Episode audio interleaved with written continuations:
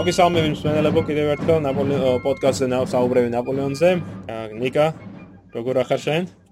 აა, არამიშავს. ზადა ვარ დღევანდელი პოდკასტის შესაძლებლად, როგორც ყოველთვის. ნამდვილად დაკავებულები ვიყავით ეს დღეები.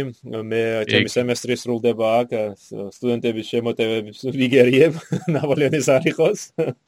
აა, ნიკა შენ შენს მეტად დაკავებული მე აი ხო აი შიდა შიდა გამოცდები და სხვადასხვა პრობლემები იყო რა რომელიც უნდა მომეგვარებინა ამ პერიოდში და შემდეგად ვერ ვახერხებდით ერთად შევკრებილი ყავით პოდკასტის ჩასაწერად და ახლა უკვე დღეს მოვახერხეთ და იმედია კარგი პოდკასტი გამოგვივა და მოისმეს მსმენელი. თან რაც თავია ჩვენ ეს თლათ უკმად ნაპოლეონისგან არ ვიყავით. მუშაობდით ახალ პროექტზე მსმენელს გვინდა გაუზიარო ეს ასიახლე დავამთავრე ჩვენ მედანიკამ მუშაობა ახალ ციგზე რომელიც არის ნაპოლეონის მარშლებზე პირველად ქართულ ენაზე იმ მსგავსი ციგნი გამოიცემა. დაახლოებით კვირანახევარში იქნება უკვე ელექტრონული სახით ხელმისაწვდომი ქართული მკითხველისათვის და წლის ბოლოსათვის ვიმედოვნებთ რომ გამოჩნდება თვითონ მაღაზიებში ასე რომ მეტად მეტად გახარებულები ვარ ჩვენ ორთავე. თან თან რაც დავარ ორტომეული ციგნი არის, ამ საკმაოდ დიდი მოცულობის არის, თან დიდი ხანი შრომობდით. კი, თითქმის თითქმის 4 წელიწადზე მეტი ხანი არა? აა, ნუ აბა გაგვიგრძელდა. მაგრამ როგორ ციგნა დაუსვი წერტილი. ამ რაზე უნდა ვისაუბროთ სხვადასხვა დღეს? აა დღეს უნდა გავაგზავნოთ ჩვენ საუბარი 1796-1797 წლების იტალიურ კამპანიაზე და განვიხილოთ ბელბაშარ იოზეფ ალვინცის კონჩეტევა ფრანგების წინააღმდეგ, რომელიც წინა პოდკასტში ვახსენეთ. ო, იმედია ალვინცის მაინც გაუმართლებს, არა? ამჯერად. მე ჯერ არ გაუმართლა, ვორმზერს არ გაუმართლა ორჯერ, მოდი ვნახოთ ახლა ალვინცის. ამ მას შეუდგეთ საქმეს, ამ ბოლოს ჩვენ როცა საუბრობთ ჩვენ აღნიშნეთ რომ ნოემბრის დასაწყისში ავსტრიელები მზად იყვნენ. წამოეწყოთ მესამე შეჭრა იტალიაში. ამ ამჯერად უკვე მათ სათავეში ედგათ ეს უნგრელი გენერალი ფელმარშალი იოზეფ ალპინცი და ეს სტრატეგიული გეგმა იყო შემოშავებული ვიენაში და გარკვეულწილად ეს გეგმა იგივე შეცდომებს უშვებდა რაც ვურმზერმა დაუშვა წინას წინა ორ ორ შემოსევაზე. ერთადერთი რაც მათ შეცვალეს იყო რომ ძირითადი შეჭრის მიმართულება გადაიტანეს ცოტა აღმოსავლეთით დინარე პიავეს ხეობაში. მაგრამ როგორც წინა შემოტევების დროსაც ალვინც იძულებული იყო თავისი ჯარი გაინაწილებინა რამოდენიმე ნაწილად ამ შემთხვევაში საუბარი არის სამ ძირითად კოლონაზე რომელსაც სათავეში ედგათ თვითონ ალვინცი ასევე გენერალი კვაზდანოვიჩი და გენერალი პროვერა. და მიზანი იყო როგორც წინა შეჭრების დროს გადაელახათ ალპები შემდეგ აიღოთ მიმართულება ქალაქ ბასანოზე და პადუაზე უკუეგდოთ ფრანგები დინარე ბრენტისგან დინარე ადიჯეზე. შემდეგ იქაც ადიჯეზეს დაემარცხებინეთ ისინი მისულიყვნენ ციხესიმაგრე მანტუამდე სადაც როგორც ჩვენ ნახე წინა პოდკასტში ვურმზერი და მისი ჯარის ნარჩენებია გამო გამოჭერილი ყავს ნაპოლეონს. ეხსნათ ეს ჯარები და მე ერთობლივი ძალებით შეეტიათ ნაპოლეონისათვის ამ შემოტე ამ შეტევისათვის ალვინცის ყავდა 30000 კაცი, დაახლოებით 30000 კაცი. იმის გათვალისწინებით, რომ მანტუაშიც გამოკეტილი არის რამოდენიმე 1000, ხომ, დაახლოებით 15000-ზე მეტი კაცი არის გამოკეტილი. ავსტრიელებს იმედი ჰქონდათ, რომ ამ ძარების გაერთიანებით შეძლებდნენ პოლეონზე რიცხობრივი ოპერაციების მოპოვებას. ნაპოლეონის თლიანობაში ყავს 41000 ადამიანი.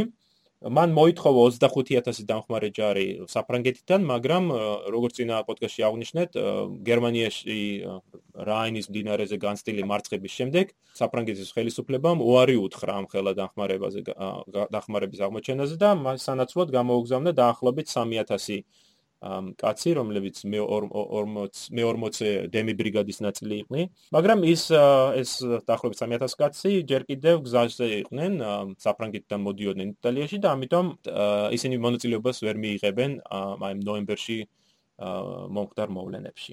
ავსტრიელებმა შეტევა ნოემბრის დასაწყისში დაიწყეს, თუმცა ვინაიდან ისინი სხვა სხვა კოლონებად მოქმედებდნენ, რამოდენიმე დღის შუალედი იყო კოლონებს შორის, მაგალითად კვაზანოვიჩმა შეტევა დაიწყო ოქტომბრის მიწურულს, ხოლო ალვინციმ და პროვერამ 2 ნოემბერს. თავიდან ნაპოლეონი არ იცოდა რომელი მიმართულება იქნებოდა ძირითადი ავსტრიული შეტევის. ამიტომ მან ძალები განალაგა საკმაოდ გაფანტულად. თლიანობაში ნაპოლეონს ყავს დაახლოებით 41000 კაცი, ხო, როგორც ვთქვით, აქედან 2700 კაცი ყავს გამოყოფილი გარნიზონებად ციხესიმაგრეებში, მათ შორის ბრეშია, პესკიერა და ვერონა. დანარჩენი ჯარები ყავთ განლაგებული საკმაოდ გაშლილ ფრონტზე. ამადგან გენერალი მასენარის ბასანოსთან, ოჟერო არის ვერონასთან და გენერალი ბობუა არის ჩრდილოეთში ქალაქ ტრენტოს ჩრდილოეთით იცავს მდინარე ადიჯეს ხეობას. ო გენერალმა ვობუამ დავიდოვიჩის შეჩერება ვერ შეძლო თავიდან და კალიანოსკენ დაიხია უკან. თავიდან რამდენიმე შეტევა კი მოიგერია და ავსტრიელებს დაწყებული შეტევები, მაგრამ ბოლოს იძულებული გახდა რომ რივოლის პლატოზე დაეხია უკან და იქ ახალი პოზიციებზე გამაგრებულიყო. დავიდოვიჩი რომელსაც მასზე ორჯერ მეტი ჯარი ყავდა, ვერ ბედავდა მაინც ამ პოზიციებზე შეტევის მიტანას თავიდან, იმიტომ რომ საკმაოდ ესეთი რთული და კარგად დაცული პოზიციები იყო და თითქმის უკმად და დააყენა მან ეს თავისი ჯარის დიდი ნაწილი და ამავე დროს უკვე ბონაპარტს შეექმნა პრობლემები იქ ალვინცისთან შეტაკებაში ბასანოსთან მოხდა მათ შორის ბრძოლა ძალიან საკმაოდ ხანგრძლივი ბრძოლა თითქმის დღე გაგრძელდა და რომ თქვა და ხო 6 ნოემბერს და ეს ითვლება დამარცხდნენ ფრანგები არა? ნაპოლეონის პირველი დამარცხება ითვლება მართალია ტაქტიკური დონეზე ხო მას დიდი შედეგი არ მოყოლია სტრატეგიულ დონეზე, მაგრამ მაინც ითვლება როგორც პირველი ნაპოლეონის პირველი მნიშვნელოვანი ტაქტიკური მნიშვნელოვანი დამარცხება. თან ამავე დროს ნაპოლეონმა მიიღო ცნობა, რომ ბობუაც ბობუაც უკან იხევდა აა პარალელურად და ძალიან დიდი იყო მანძილი მათ შორის ერთმანეთსგან საკმაოდ იყვნენ დაცილებულები ეს ორი შენაერთი. ამიტომ ვერ ძალიან ძიმე დანაკარგები განიცადა მის ამ დავიდოვიჩთან ბრძოლის დროს, კემბრასთან და კალიანოსთან ბრძოლების დროს მან დაკარგა 40 40%-ზე მეტი თავისი დივიზიის. და აი სწორედ ამან შეუქმნა ეს საფრთხე ნაპოლეონს რომ ის მიხვდა რომ ძირითადი შეტაკე მიმართულება ავსტრიელების შეტევის კი იყო თქვა აღმოსავლეთიდან ხო აი ბასანოს მიმართულებით მაგრამ აი დავიდოვიჩის წარმატება ტრენტოს მიმართულებით საფრთხე შეუქმნა რომ ავსტრიელები გამოჩნდებოდნენ მის ზურგში. ხო ამიტომ გადაწყვიტა ვერონასკენ დაეხია ნაპოლეონმა ესეთი გეგმა ქონდა ეს ალვიცი უკან დაედევნა საკვირველია და როგორც ვთქვი 12 ნოემბერს კოლდიეროსთან კიდევ მოხდა რა ერთი შეტაკება მათ შორის რომელიც ის ფრანგებმა ასევე ვერ მიაღწიეს ვერანაირ წარმატებას. დროს ავსტრიელები კოლდიეროს ბრძოლაც ითვლება რომ კიდევ მეორე ზედმიწევნი ხო ეს ზედიზედ მეორე მნიშვნელოვანი დამარცხება არის. კლავ უნდა აღნიშნოთ რომ ეს ტაქტიკურ დონეზე არის ხო მაგრამ მაინც მნიშვნელოვანი დამარცხება. ბრძოლა მოხდა 12 ნოემბრისკენ, ხო? და აქ ჩვენ ხედავთ ალვინცის ოპერაციას. სხვა შორის მინდა აღნიშნო ერთი რამ, საინტერესო რამ არის ზოგადად. ნაპოლეონი თავის ბიულეტენებს ჩვენ თქვით რომ ნაპოლეონმა არაერთი ბიულეტენი გამოსცა. ხო? და თავის ბიულეტენებში თუ შევხედავთ ჩვენ არაერთხელ აკებს, ადიდებს ბოლიოს, ვურმზერს, და ამას აკეთებს ის რა თქმა უნდა გათვლით ხო რომ თავის დამსახურება გაზარდოს ამ ამ დამარცხებას. ხო, რა აი აკებს ამ გენერლებს რომელთა მიმართ არანაირი პატივისცემა არა. ანუ იცის რომ სამხედრო თვალსაზრისით ამ გენერლებს არ აქვს გამორჩეული ნიჭი. ამავე დროს ჩვენ ვიცით რომ პირად მიმოწერაში ის საკმაოდ კარგად აფასებს ალვინცის, ხო ერთ-ერთ წერილში აღნიშნავს რომ ის ერთ-ერთი ყველაზე საუკეთესო გენერალი არის, რომელიც მას შეხვედრია. და თუ ბიულეტენებს გადავხედავთ, ალვინცის მიმართ არანაირი შეფასება არ არის. კარგი არაფერი არ უთქვამს. და ეს ფსიქოლოგიური მომენტი არის, ხო? ხედავ რომ ნაპოლეონი ფსიქოლოგიურად იყენებს ამ ბიულეტენებს, რომ მოწინააღმდეგე გეზეთს კი, ხო, რაღაცა ზემოქმედება რო იქონიოს. და აი ხედავ ჩვენ თქვა ბასანოსთან და კალდიერელოსთან მოხდა ბრძოლებში, რომ ალვინცი მართლაც საკმაოდ გამოცდილი და ნიჭიერი ხედართავარი არის. მან ვურმზერისგან განსხვავებით შეძლო ნაპოლეონის ორჯერ ზედიზედ დამარცხება და ნელ-ნელა უკუგდება ადიჯეს მდინარეზე, ანუ აი ავსტრიელთა გეგმის პირველი ნაწილი შესრულებული არის.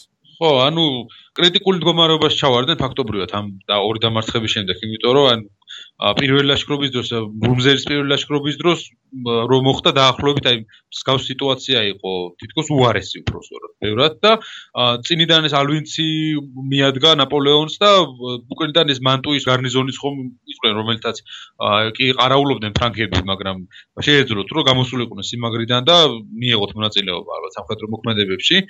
თან ეს კილმენის მცირერიცხოვანი შენაერთი ძალიან ვერ გაუწევდა ალბათ მას წინააღმდეგობას და შეიძლებოდა ეს შენაერთი გასულიყო კიდევაც ბონაპარტის არმიის ზურგში. ჩრდილოეთიდან კიდევ დავიდოვიჩის корпуსიც ხო არ დაგვავიწყდეს, რომელიც ასევე აგრძელებდა შეტევას და ეს ბობუას 5000-იანი დივიზია ალბათ ვერც მის შეჩერებას ვერ შეძლებდა. და ხა ისეთი ვითარება არის უკვე კრიტიკული, რომ ნაპოლეონი ფიქრობს რომ როგორ მოიქცეს, ანუ მანტუის ალყისთვის თავის დანებება შეეძლო მას და მინჩიუსკენ უკან დახევა, მაგრამ მაშინ გაერთიანდებოდნენ ეს ავსტრიელების ჯარები და საკმაოდ მრავალრიცხოვანი არმია შეიკრიბებოდა, რომელთანაც ვერაფერს ეს ერთიან გაერთიანებულ ჯართან ალბათ გაუჭირდებოდა ფრანგებს უფრო ბრძოლა და ანუ ისიც არის ხედველობაში მისაღები, რომ ალბათ ავსტრიელების წარმატება იტალიელებსაც გამოაღვიძებდა, აი რომლებიც ანტიფრანგულად იყვნენ განწყობილები და ისინიც ალბათ ზურგიდან მახვილის დასცემდნენ ფრანგებს. ახლა ამ პერიოდში საკმაოდ საინტერესო წერილს წერს ნაპოლეონი დირექტორისადმი. ხედავ თუ რამდენად კრიტიკული არის მდგომარეობა, წერილში წერს ჩვენ SSA დავკარგავთ თელს იტალიას, რომ ძალიან ცუდი ამინდი არის, რომ მისი ჯარის უმეტეს ნაწილი დაღლილი არის და ერთ დიდ ნაწილს სხვა შორის არც ფეხსაცმელების შერჩენია. წერს რომ ძალიან მაღალი არის დაჭრილთა რიცხვი. ასევე აღნიშნავს რომ გენერალთა უმეტესობა ან ავათ არის ან დაჭრილი არის და სხოვს დირექტორიას კლავ დახმარება აღმოჩინონ თუ არა და იტალიის აღმოსავლეთ ნაწილს ნამდვილად დაკარგავენ. დახსანიშნავი არის ეს წერილი, ხო, მართლაც რომ აი როგორი კრიტიკული მდგომარეობა არის. ამ ვიცი ჩვენ რომ გენერალთან დიდი ნაწილი, საუკეთესო ნაწილი შორის დაჭრილი არის ლანი, მიურატი, ახალგაზრდა კელერმანი, ხო, მომავალში მარშალ კელერმანის შვილი, ყველა ავატ სამივე ავატარიან, სერიურიე და სურო, ერთ-ერთი საუკეთესო გენერალები იტალიურ ჯარში არიან დაჭრილები.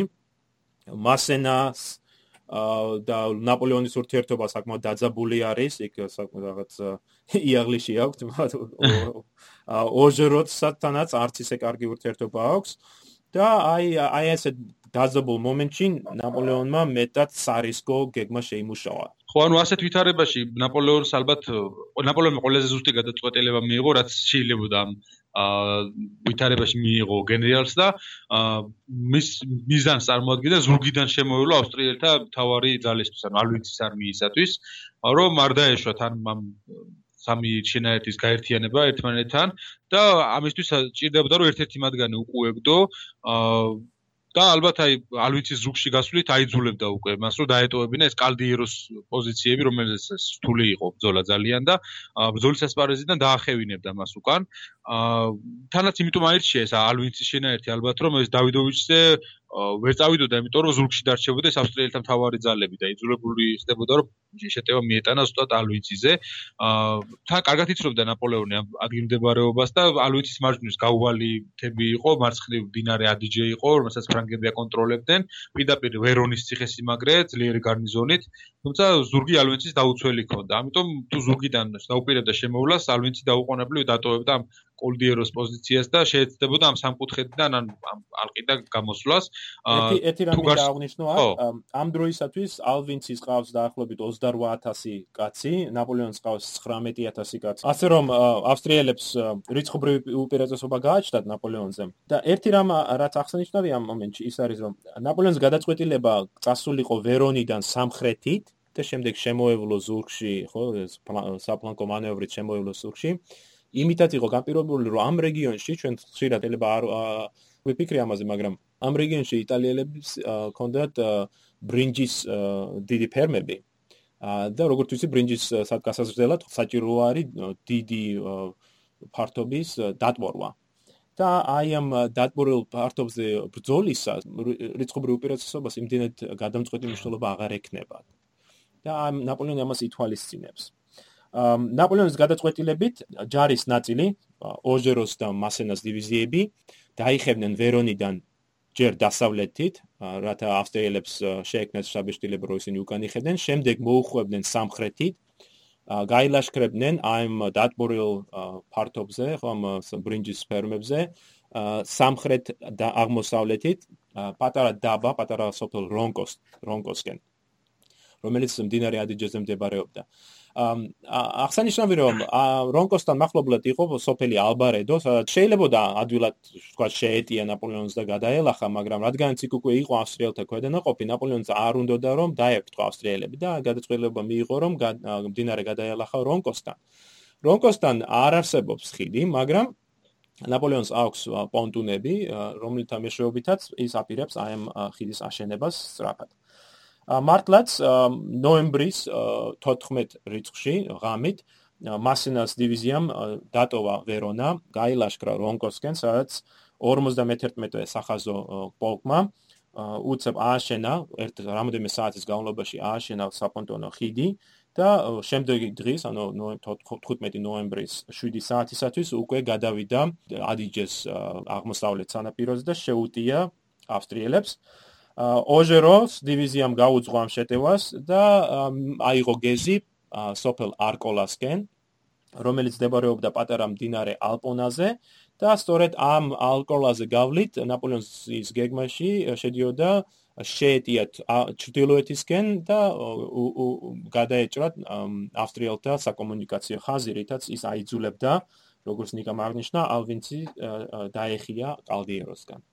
სწორედ აქ ამ პატარა სოფელ არკოლასთან ამ განვითარდა ეს ცნობილი ბრძოლა, რომლის დროსაც ავსტრიელები გააფთრებით იცავდნენ თავის პოზიციებს, ალვინციმ მიუხვდა ნაპოლეონის გეგმას, უცებ გადმოისროლა დამატებითი ქვედანაყოფები არკოლასკენ და შემდეგი ორი დღის განმავლობაში ფრანგები უტევენ ავსტრიელებს, რათა ჩაეგდოთ ეს სტრატეგიულად მნიშვნელოვანი პოზიცია. ნაპოლეონი უშუალოდ ჩავიდა არკოლაში და დაიწყო შეტევების მომზადება.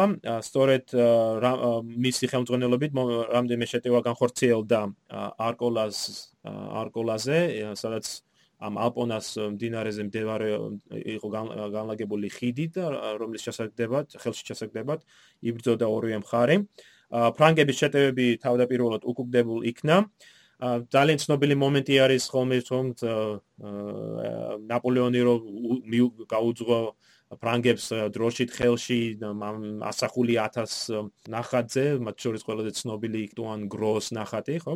მაგრამ უნდა ვთქვათ რომ პირველად სხვა შორის ეს ნაპოლეონი არ არის ვინც რომელიც ამას აკეთებს არამედ ეს არის გენერალი ოჟერო სწორედ ოჯერო ავსტრიელთა ძლიერი საარტილერიო და მუშკეტების ცეცხლის მიუხედავად აიღო ხელში დროშა და გაუძღვა თავის ჯარისკაცებს. წინ მართალი უკუგდებულ იქნა მაგრამ აი მაგალითი მან უჩვენა ჯარისკაცებს. ნაპოლეონმა შემდეგში უკვე ნაპოლეონმაც სადა იგივეს გაკეთება აიღო დროშა ხელში და თავის ადიუტანტებთან ერთად ახალი შეტევა წამოიწყო, სწორედ აქ, როგორც ლოდისთან, ცდილობს ის ამ გადაწყვეტის შეტევის განხორციელებას, მაგრამ აქ მარცხდება. სხვა შორის ნაპოლეონის ირგვლივ რამდენიმე ადამიანი დაიღუპა, მათ შორის იყვნენ მისი უახლოესი ადიუტანტები, ერთ-ერთი მათგანი პოლკოვნიკი მიურონი, რომელიც მეტად ახლოს იყო ნაპოლეონთან და ცხოვრების ბოლომდე ნაპოლეონი დაიმახსოვრებს ამ მიურონის თავგანწირვას გადაეფარა ნაპოლეონს მიურონი და გადაარჩინა უეჭვალ სიკვდილს. სხვა შორის შემდეგში ხომ ჩვენ დავინახავთ რამდენად დიდად აფასებდა მიურონს ნაპოლეონი ერთ-ერთ ეგვიპტიდან გამოქცევის დროს ერთ-ერთ გემს სწორედ მიურონის სახელს დაარქმევს მაგრამ აი როგორც იყო ეს შეტევები მარკოლას ხიძე წარუმატებელი აღმოჩნდა. ანუ აი ჩვენ რო სურათებს რო ხედავ ნაპოლეონი დროშით ხელში გადარბის ხიძე, ძინმდვილეში ყოველი ეს შეტევა წარუმატებელი იყო. დიდი სიმამაცი კი გამოიჩინა, მაგრამ მაინც. ამიტომ როცა ნაპოლეონი მიუხვდა რომ ეს ამ ხიდის აღება შეუძლებელი იყო, რომ ავსტრიელები მეტად გააფთრებით იცავდნენ მას, მან ისევ საფლანკო მანევრი წამოიწყო და შეუტია ავსტრიელებს შემოვლითი გზით რის შედეგად აიძულა ალვინცი უკან დახეულიყო და ამით 17 ნოემბრისათვის ფაქტიურად აიღერებინა დამარცხება. არკოლას ბრძოლა საკმაოდ გაფრთხილებული იყო და ერთ-ერთი ყველაზე ესეთ სისხლისგვრელი შედეგება იყო იტალიური კამპანიის დროს. ფრანგებმა დაკარგეს 1200-ზე კაცი, რომელიც დაიღუპა ბრძოლის ველზე, მათ შორის იყო 8 გენერალი, ანუ საკმაოდ ძიმე დანაკარგია, 2300-ზე მეტი დაჭრილია. ხოლო ავსტრიელებმა დაკარგეს დაახლოებით 2500 კაცი. მაგრამ თლიანობაში ეს დოლა იყო ფრანგების გამარჯვება, რადგანაც ამ ბრძოლაში ნაპოლეონმა შეაჩერა ალვინსი, აიძულა ის დახეულიყო უკან და შემდეგ უკვე დადევნების დროს ნაპოლეონის ჯარებმა 4000-მდე ავსტრიელი ჯარისკაცი ხელ ჩაიგდეს და 11 ქვემეხი. то ნაპოლეონ შემდგომში აღნიშნავს კიდევაც ერთ-ერთ წერილში რომ მხოლოდ იღბალმა შემიწყო ხელი ალვინცის დამარცხებაშიო. არკოლასთან ავსტრიელთა დამარცხების შემდეგ ნაპოლეონი მიუბრუნდა სწორედ დავიჩოვიჩის შეტევას, ხომ, აი ტრენტოს ხეობაში. შემიაშველა გენერალ ვობუას, რომელიც რივოლისთან იდგა და იცავდა პოზიციებს და აიძულა დავიდოვიჩი უკან დახეულიყო. ან ანუ ნოემბრის ბოლოსკენ ავსტრიელთა ეს შეტევაც დამარცხდა. მთლიანობაში დაახლოებით 20 დღის განმავლობაში ავსტრიელებმა დაკარგეს 18000-მდე კაცი, დაჭრილი და მოკლული, ხოლო ფრანკთა დანაკარგი 20000 კაცამდე აღწევდა.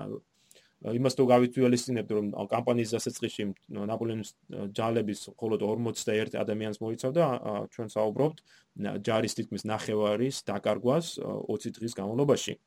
ჩვენ ვიცით ნაპოლეონის მოხსენებებიდან რომ ფრანგული ჯარი მეტად თუ გამარებაში იყო აკდა ყვია წამალი ამუნიცია ვიცით რომ გამოდემე ქვედანაყოფი ისეთი მშიერი იყო რომ 53 სახაზო ხაზში ამბოხება მოდა და სამი და სამი ასეული ამ ამ ქვედანაყოფიდან სამი ასეული და ციხეში ჩასვეს, ხოლო რამოდენმე რამოდენმე ოფიცერი დახვრიტეს ამ ამბოხების გამო. აა ისევ აღნიშნავს რომ ნაპოლეონი მეტად განრისხებული იყო ვობუას დივიზიის მოქმედებით, როდესაც მან დატოვა პოზიციები ტრენტოსთან და უკან დაიხია რეგოლისგან. საკმაოდ ცნობილი არის მისი მიმართვა ვობუას ჯარისკაცებისადმი, რომელშიც ის მეტად კაცრად აკრიტიკებს მათ. ერთ-ერთი ციტატა არის 39 და 95 პოლკების ჯარისკაცებო.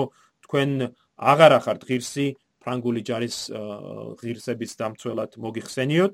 თქვენ არც დისციპლინა და არც სიმამაცე გამოიჩინეთ ამ შეტაკებებში და თქვენ თქვენ მიეცით საშუალება მოწინააღმდეგეს რომ თქვენი პოზიციებიდან გამოგეგდოთო მაშინ როდესაც ერთი მუჭა მამაც მეომრებს შეეძლოთ მოწინააღმდეგების დამარცხებაო ამის გამო ხედავთავარი აღარ აღნიშნავს თქვენს დამსახურებებს ბიულეტენებშიო მეტად მეტად კაცრი მიდგო გაკითხვა იყო სხვა შორის არც ვობუამ ვობუათი იყო აღტაცებული ნაპოლეონი.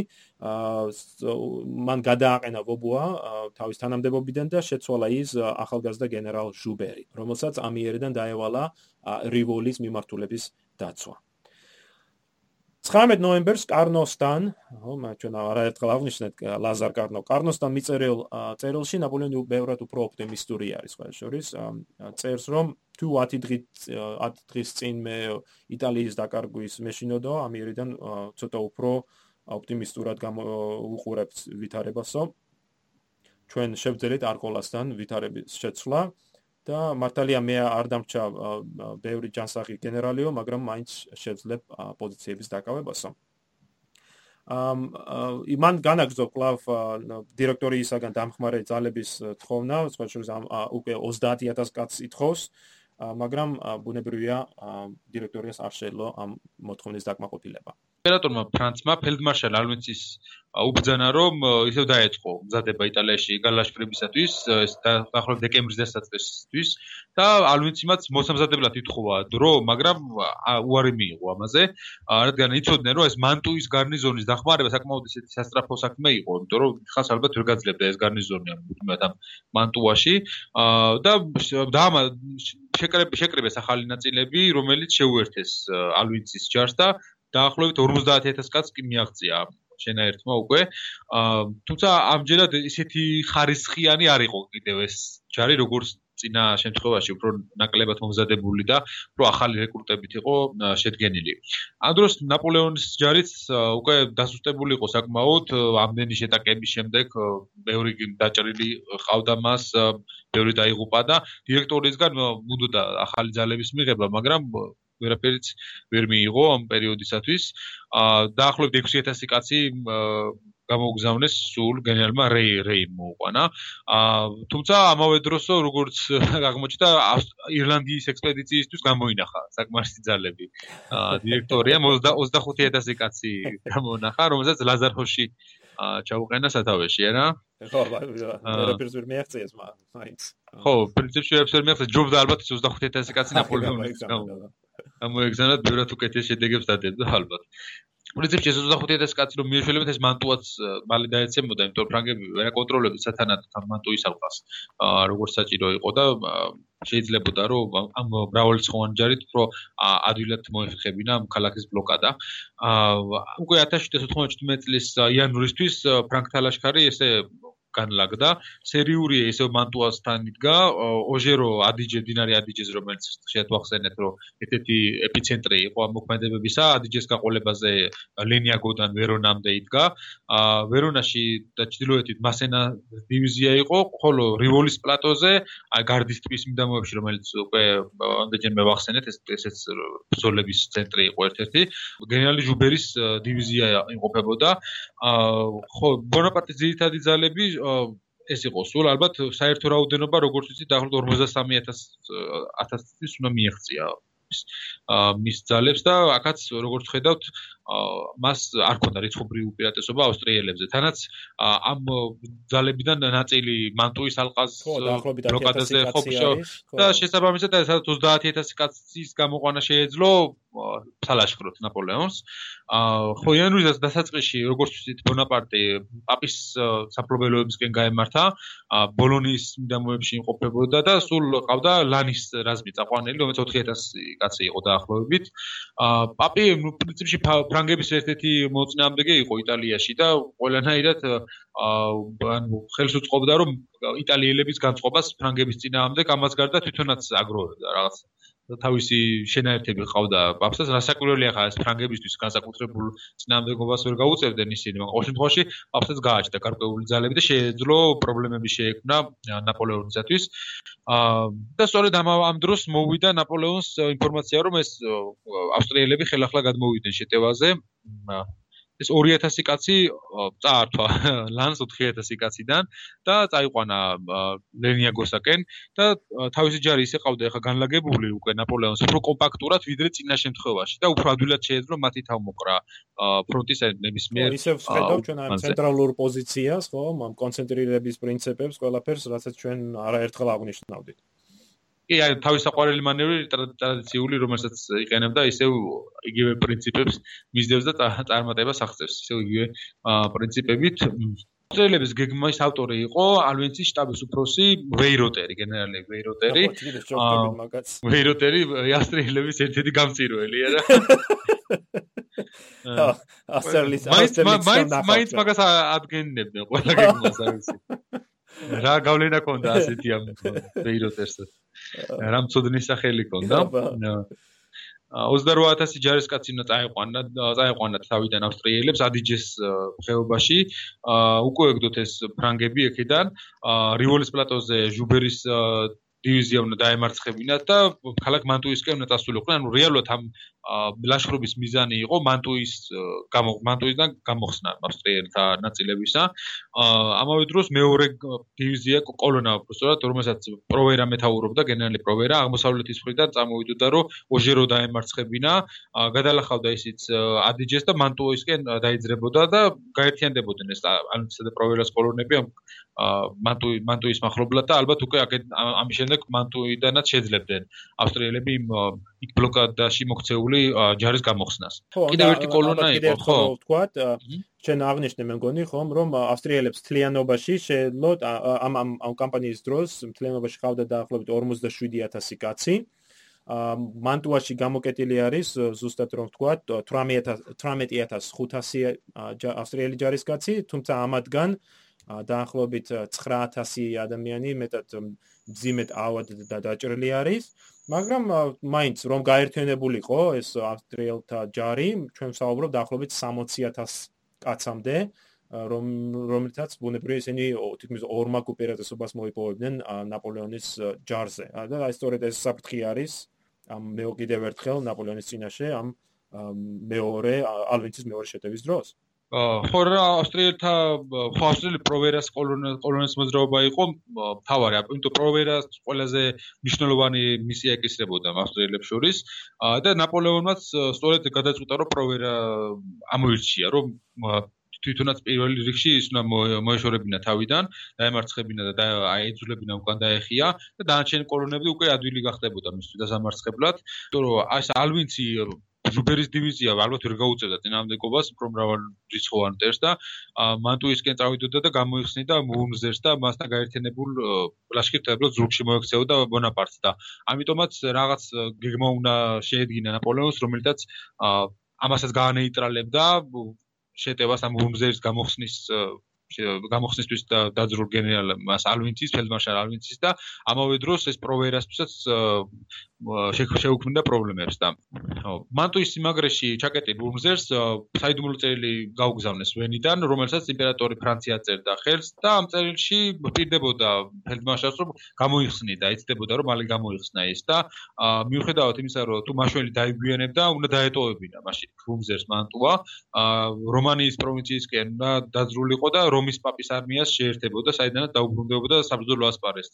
ნუ ეს ფაქტობრივად წარმოუდგენელი იყო ძალიან ესეთ არარეალისტურ მისიას აკეთებდნენ ბომბზერს. სინამდვილეში ეს წელი აღარ არც მისურა ბომბზერავდა ფრანგებს ჩაუვარდათ ხელში. 9 იანვარს დილით პროვერას კოლონამ შეუტია მოჟეროს დივიზიის ამ პოსტებზე მიიტანა იერიში. მეორე დღეს ეს 6000-იანი корпуსი რომელიც ვახსენეთ ბაიალიჩის კოლონა მათ შეუტია ვერონის შემოგარენში ბასენას დივიზიას და ნაპოლეონი ამ დროს ვერონის მიდამოებში იყო და თავი ჯარს აგროვებდა მთავარი ძალების რომ შეეკრება ეს თავისი ნაწილები და თავარი ძალები მიეტანა იერიში ავსტრიელებზე. თუმცა მასენა მოახერხა მან ბაიალიჩის უკუგდება, საკმაოდ დიდი ზარალიც მიაყენა მას. და ეს ოჟერომაც კი ჩაიგდო ხელში ავსტრიელი ტყვეები, მანაც დაატყვევა საკმაოდ წარმატებით იბრძოდა და ამ ტყვეებისგან მნიშვნელოვანი ინფორმაცია მიიღო შემდეგ ნაპოლეონმა უკვე ხენ მან ნახა რა რა ქონდა დაგეგმილი მოწინააღმდეგეს უფრო დეტალებში გაეცნო ამ გეგმას. ხო 13 იანვარს ნაპოლეონს მოუვიდა ჟუბერისგან მაცნე რომ ავსტრიელთან თავარძალება დაიწყეს იერიში. ეს ალვინცის 28000-იანი არმია რომელიც ექვს კოლონად იყო გაყოფილი უტევდა ჟუბერის დივიზიას რომელიც ცირერიცხოვანი იყო მასთან შედარებით და ეს ფელდმარშალი ვარაუდობდა რომ ამ კოლონები კოლონები პირდაპირ შეუტევდათ ჟუბერს და ზურგიდანაც შემოუვლიდა მას რაც გამოიწვევდა მის უეჭველ განადგურებას. ხო ალვიციმ რო შეუტია. ჟუბერს ეს თავდაპირველად ის საკმაოდ წარმატებით იცავდა თავს და სანამ ეს ჟუბერი აყოვნებდა მას ამ რივოლის პლატოზე აჩერებდა ავსტრიელთა შემოტევას ამასობაში ნაპოლეონმაც შეძლო. ამ რივოლის პლატომდე მიღწევა. ხო 14 იანვარს ადრედილი დაიწყო ამ რივოლის პლატოზე ცნობილი ბრძოლა. რომელშიც ფრანგებმა რომელიც უფრო ცირერიცხოვანები იყვნენ თავიდან ეს თქვა მას მამაცურად დაუხდნენ ჭარბიმტრის შემოტევას და ისე განალაგა ნაპოლეონმა ეს თავისი რაზმები რომ თავის მთელი ეს ტოპოგრაფიული თავისებურებები რაც მან კარგად ჰქონდა ათვისებული გამოიყენა თავის სასარგებლოდ ავსტრიელების წინააღმდეგ.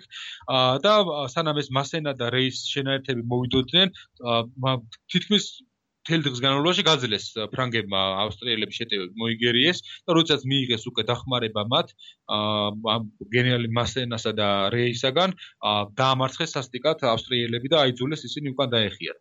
აი აქ ჩვენ კარგად კიდევ ერთხელ ხედავთ ნაპოლეონის მიდგომას სამხედრო ხელოვნებისადმი ის იწყებს ბრძოლას უფრო რიცხობრივად უფრო პატარა ჯარით, მაგრამ იცის რომ ამ დამხმარე ძალები მოვლენ ბრძოლის განმავლობაში, ხო? ამ ავსტრიელებს გააჩნიათ ეს რიცხობრივი უპირატესობა დასაწყისში. მაგრამ მათ ვერ გამოიყენეს, ვინაიდან ნაპოლეონმა როგორც შენ ნიკა აღნიშნე, ძალიან კარგად იყენებს ტოპოგრაფიას, რეალობას რომ ბრძოლა ხდება დინარის ხეობაში, საკმაოდ ვიწრო ხეობაში, მთები არის ორივე ფლანგზე, ანუ ეს დაცული არის ნაპოლეონის ფლანგები. მართალია, ავსტრიელებმა შეეცადნენ საფლანკო მანევრის გაკეთებას გენერალი ლუიზიანი ცდილობს ნაპოლეონის მარცხენა ფლანგის შემოვლას, მაგრამ იქ მასენა უხდება მას და საკმაოდ წარმატებით იგერიებს. ხოლო მეორე დღის 15 იანვრისათვის უკვე ნაპოლეონი იღებულობს დამხმარე ძალებს, რიცხობრივი უპირატესობა გააჩნია მას და უკვე კონტრშეტევაზე იწყებს, რომლის შედეგადაც ავსტრიელთა ძალები თითქმის სასტიკად დამარცხდნენ. ბრძოლის ველზე ავსტრიელებმა დაკარგეს 4000-ზე მეტი კაცი. შემდეგ უკვე დადევნების დროს 8000 ავსტრიელი ჯარისკაცი ჩავარდა ტყვედ. ასევე ავსტრიელ ფრანგებმა ჩაიგდეს ხელთ 8 ქვემეხი და 11 დროშა.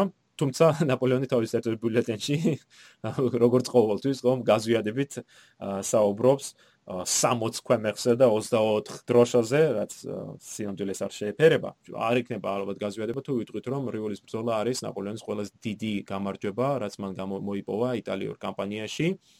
ვინაიდან სწორედ ამ ბრძოლის შედეგად ფაქტურად იტალიის კამპანიის ბედი გადაწყდა. ნაპოლეონმა მოიპოვა გადამწყვეტი გამარჯვება რომლის შემდეგ ავსტრიელებმა ფაქტურად ხელი აიღეს იტალიის დაბრუნებაზე. ბრძოლა როგორც აღნიშნეთ მოხდა 15 იანვარს. მეორე დღეს 16 იანვარს ნაპოლეონმა მიიღო რა ცნობა რომ პრო გენერალი პროვერა მიდიოდა მანტუასკენ. აიღო ეს დაკანცული ხო დაღლილი ჯარისკაცები და სტრაფი მანევრი რივოლიდან მივიდნენ ფრანგები მანტუასკენ და სადაც 16 იანვარს მათ სასტიკად დაამარცხეს პროვერა ლა ფავორიტასთან ბრძოლაში და ამით მოსპეს ეს ბოლსაბოლო და ავსტრიელების გაინთავისუფლებინათ ავსტრიელთა გარნიზონი მანტუაში. წარმომიდგენია თუ რამდენად განწრული იყო, განწრული მზერით იყურებოდა ურმზერი მანტუელს ხო გალავნიდან როდესაც ხედავდა მას ავსტრიელთა აი თავის პროვერას ჯარების განადგურებას და ვერ შეძლო მათთვის დახმარების გაწევა. ორ თებერვალს, ანუ დაახლოებით 2 კვირის შემდეგ ვურმზერი მიხვდა რომ მას არანაირი შესაძლებლობა არ ჰქონდა გადაერჩინა თავისი გარნიზონი დათანხმდა ჩაებარებინა ციხესიმაგრე ფრანგებისათვის და ნაპოლეონმა ხელთ იგდო ეს 18000-ზე მეტი ჯარისკაცი აა ავსტრიელი ჯარისკაცი და რასთავარია მანტუის ჩაბარებით ჩtildeო იტალიაში აღარ დარჩა ავსტრიელთა არც არანაირი შეერაღებული ძალები. ისე რივოლის ბრძოლაში აღსანიშნავია, რომ ნაპოლეონმა რივოლის პრინცის წოდება მისცა თავის ერთ-ერთ ყველაზე გამოჩენილ მარშალ შემდეგში ანდრე მასენას და ალბათ ეს იტალიის ყველაზე დიდი გამარჯვება მის სახელსაც უკავშირდება. ხო, და მე მართალი ხარ, შენ სხვაერთორის ჩვენ ვიცით რომ ნაპოლეონს ჰქონდა რამოდენიმე ბრძოლა, რომელიც თავის თავისად თვლიდა რომ არავისთვის არ ემეტებოდა. ხო. თქვა და მაგალითად მარენგოს თავადობა არავისთვის არ მიუწია. არც აუსტერლიცის თავადობა. აი რივოლიც მეტად მნიშვნელოვანია, როგორც აღნიშნა ეს გადამწყვეტი ბრძოლა არის, მაგრამ იმის გამო რომ აი მასინამ ესეთი მნიშვნელოვანი როლი ითამაშა ამ ბრძოლაში, აი საფლანგო მანევრი ავსტრიელთა მოიგერია და შემდეგ პოზიციები გაამაგრა, აი ამის გამო ბუნებრივია მას ნაპოლეონმა აღიარა მასენა, მაგრამ ალბათ ისიც უნდა ვთქვა, რომ აი მე აღნიშნა რამოდენიმე წუთის წინ რომ მასენას და ნაპოლეონის შორის საკმაოდ დაძაბული ურთიერთობა აქვს.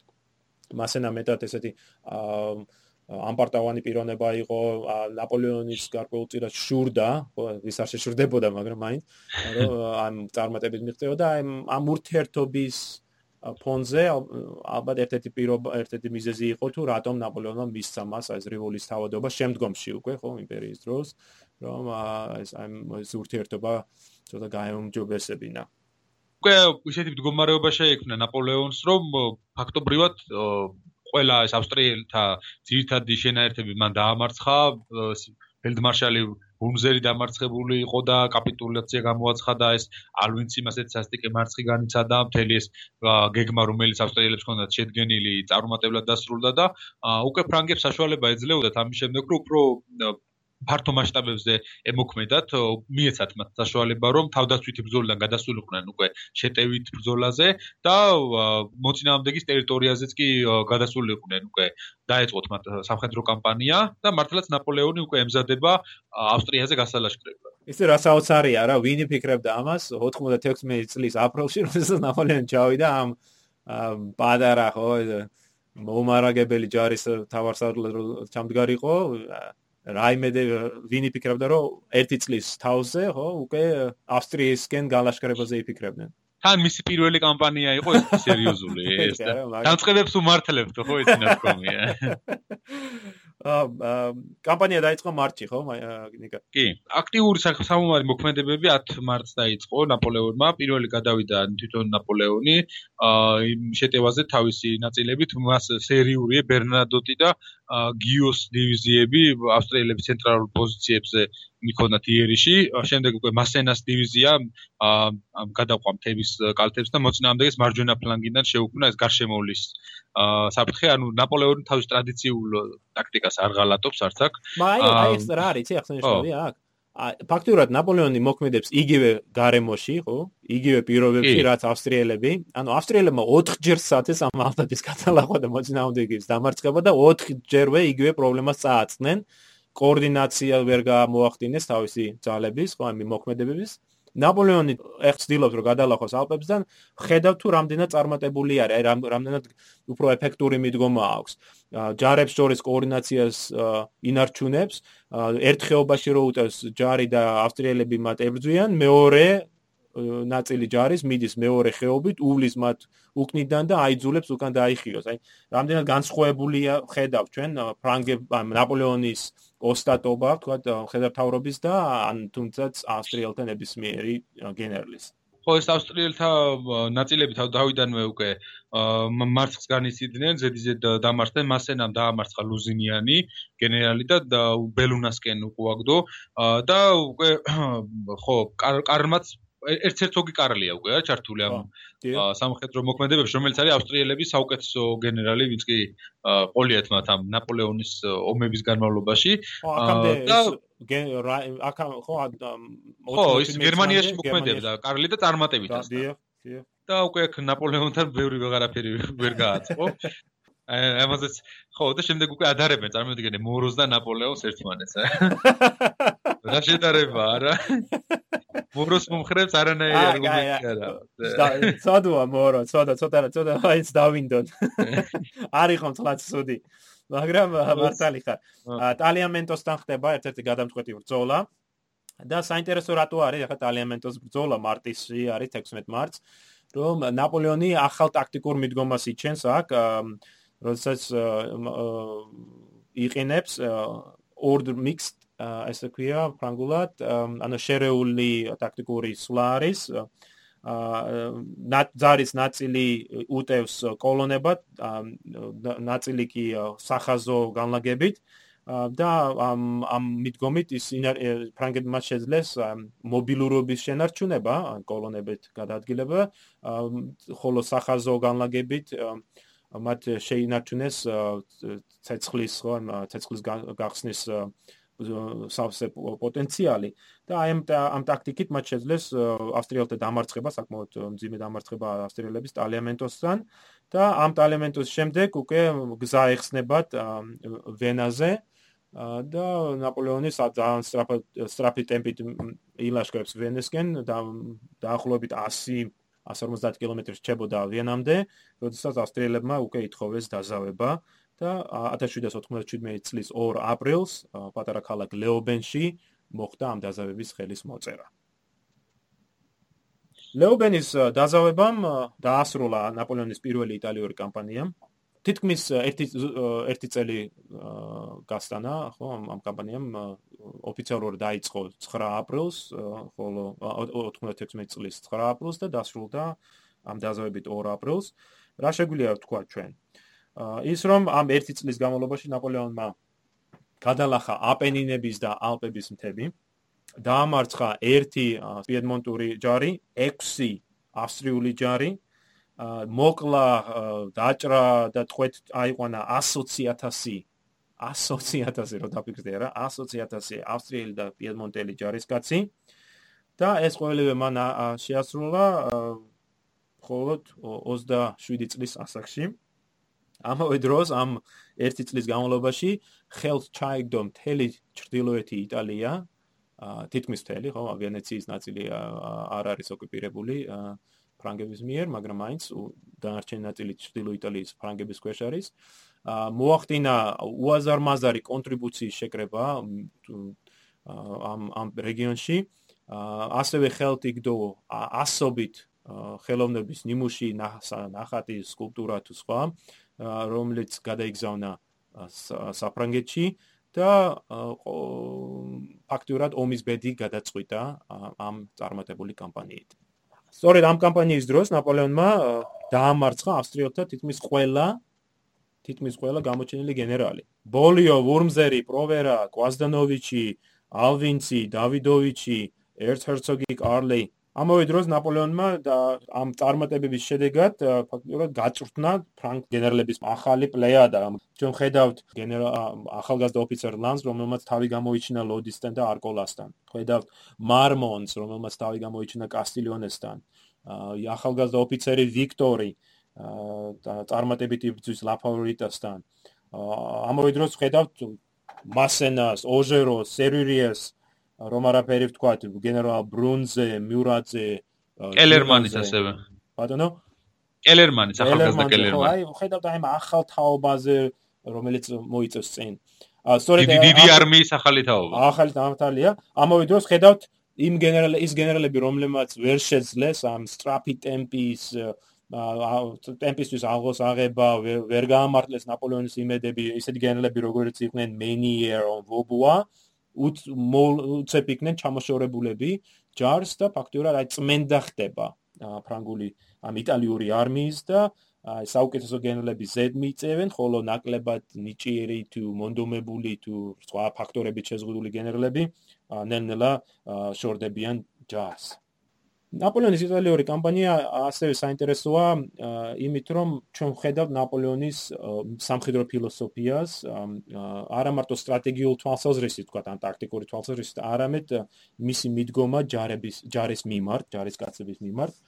ნაპოლეონს ჯერა წამდა რომ ერთ-ერთი ყველაზე მნიშვნელოვანი ფაქტორი ომის დროს არის ჯარის სულისკვეთება esprit de corps როგორც ფრანგები ამბობენ სწორედ აი ამ იტალიური კამპანიის დროს მისი ერთ-ერთი მიზანი არის შექმნას ეს სულისკვეთება, ეს ჯარის ერთიანობა. შემდგომში თავის ძმასთან მიწერილ წერილში ის აღნიშნავს, რომ ჯარის სულისკვეთების შესაქმნელად 10 კამპანია არის საჭირო, მაგრამ თიუშენ მიაღწევ ამას, ჯარს შეიძლება ამ სულისკვეთებით საოცრებები ჩაიდინოსო. და აი იტალიური კამპანიის დროს სწორედ აი ნაპოლეონი იჩენს თუ როგორ ცდილობს ამ სულისკვეთების ჩამოყალიბებას. ერთ-ერთი მიდგომა არის, რომ ჯარისკაცებისათვის ჯარისკაცები წაახალისოს და შეუქმნას მათ თავისი ძალების პოტენციალის რწმენი რწმენა. ამას ის ახდენს მაგალითად იმით, რომ თითოეულ ქვედანაყოფს არქმევს ზედმეტ სახელს. თქვათ 57 სახაზო პოლკმა გამოიჩინა თავი ერთ-ერთ ბრძოლაში და მას ნაპოლეონმა დაუწოდა მრისხანე. სრული ციტატა არის ამ ბიულეტენიდან ერთ-ერთი მრისხანი 57 პოლკი რომელსაც ვერავინ ვერ შეაჩერებსო. და აი ამ მეტად მეტად ახტაცებულები იყვნენ ეს ჯარისკაცები რომ მათ აი მრისხანე შეერქვათ ამ შეგვიძლია ჩვენ მოვიყვანო მაგალითად მე-18 სახაზო პოლკის მაგალითი რომელსაც ნაპოლეონმა მამაცები შეარქვა.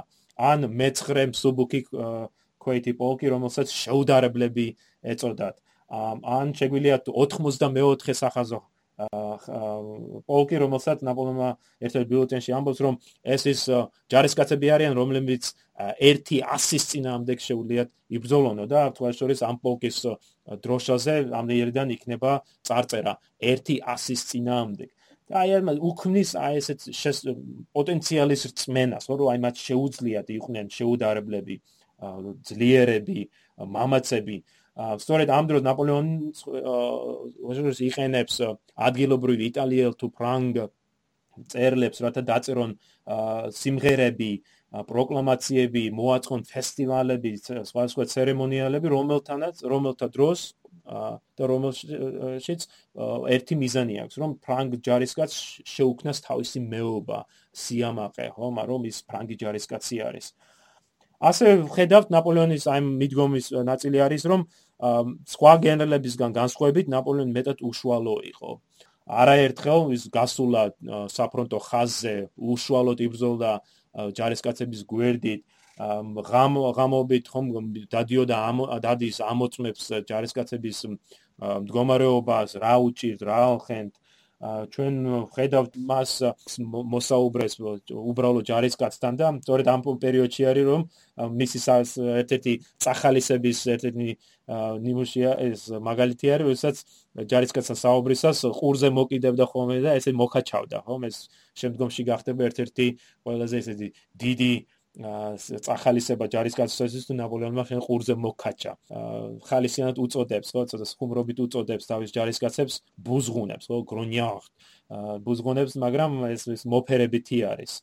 სამაგე ჯარისკაცები კი მას პატარა კაპრალს უწოდებენ, ხო, ლოდის შემდგე ჩვენ ხედავთ ნაპოლეონს არაერთხელ სამხედრო აღლუმებს აწყობს იტალიურ კამპანიის დროს, მაგრამ ეს ის ტრადიციული აღლუმები არ არის, როგორც თქვა, პრუსიაში ხდება ეს თუ ავსტრიაში ჯარის ჯარისკაცებს რო უაზროდ აიძულებენ ამ პარადებზე. არამედ ეს აღლუმები ხდება იმისათვის, რომ ნაპოლეონმა შეამოწმოს ჯარის ახალმულობა, ამუნიცია, სწორედ აქ ყველა დეტალს აქცევს ის ყურადღებას და გააფთრებით ერძვის თქვა საკომისარო ხომ სამსახურ რომელშიც რაიმე კორუფცია ან მითვისებას აქვს ადგილი. აი ეს ყოველივე ქმნის იმიჯს ხო ნაპოლეონის იმიჯს წარმოსახვა ჯარისკაცის წარმოსახვაში ქმნის ამ ნაპოლეონს როგორც პიროვნებას რომელიც მათ კეთილდღეობაზე ზრუნავს და ამას განაპირო სწორედ ამის გამო არის რომ ნაპოლეონი ასეთი პოპულარული ხდება ფრანგულ ჯარში, არა მარტო იტალიურ ჯარში, ხო იტალიაში ხო ფრანგულ ჯარში, არამედ ზოგადად ფრანგულ ჯარში. ცნობები თუ რასაკეთებს ნაპოლეონი იტალიაში ვრცელდება და აი გერმანიაში თუ სამხრეთში პირენეებში განლაგებულ ფრანგულ ქვედანაყოფებში ნაპოლეონი საკმაოდ დიდი პოპულარობით სარგებლობს. ხო, სანამ ნაპოლეონი საბოლოო შეტევას მიიტანდა ავსტრიელებს, რომელზეც შემდეგაც ეს ზავი დაიდო, მანამდე მას მოსაგვარებელი ქონდა ეს პაპის საკითხიც, რომ ეს პაპი ფრანგების ერთ-ერთი მთავარი მოწინააღმდეგე იყო იტალიაში და თანაც ის ავსტრიელებს ემხრობოდა და თვლიდა რომ ფრანგები დამარცხდებოდნენ ამ ბოლო ავსტრიეთა ბოლო შეტევის განმავლობაში. თუმცა ასე რომ არ მოხდა, ახლა დირექტორიამაც მოითხოვა ბონაპარტისგან რომ პაპის ძალაუფლება დაემხოს სრულად.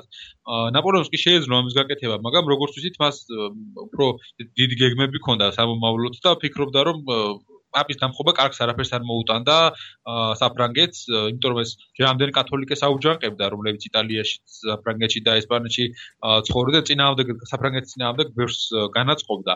მაგრამ გადაწყვიტა მაინც რომ სადამსჯელო ექსპედიცია გაეგზავნა და პაპი მოეჭკვიანებინა. ახალი ბიულეტინი გამოუშვა პაპზე გალაშქრების წინ და ამ ბიულეტინში მოუწოდა თავის ჯარისკაცებს აუხსნა რომ აი როგორ დაარღვია პაპმა მათთან დადებული ეს შეთანხმება, მიემხრო საფრანგეთის მტრებს და არ გადაიხადა სრულად ის კონტრიბუცია, რომელიც დაკისრებული ჰქონდა მას. ხო ის 11000 ჯარისკაცი, რომელიც პაპის სამფლობელოში შეჭრილი იყო, ნახევარს იტალიელი მოხალისეები წარმოადგენდნენ მათ ნაწილს.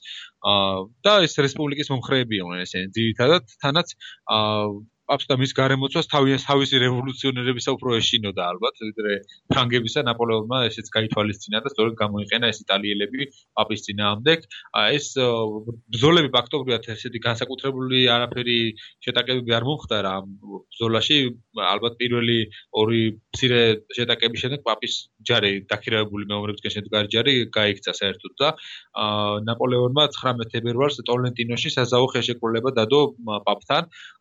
რომ რომელთანაც რომელიც მიხედვაც პაპი პაპმა ხელი აიღო თავის სამფლობელოების ნაწილზე, ფერარა, ბოლონიაზე, რომანიის ნაწილებზე და ვალდებულობა ვალდებულება ეკისრა დაეშალა ეს თავისი ჯარი და გადაეხადა 30 მილიონის ოდენობის კონტრიბუცია.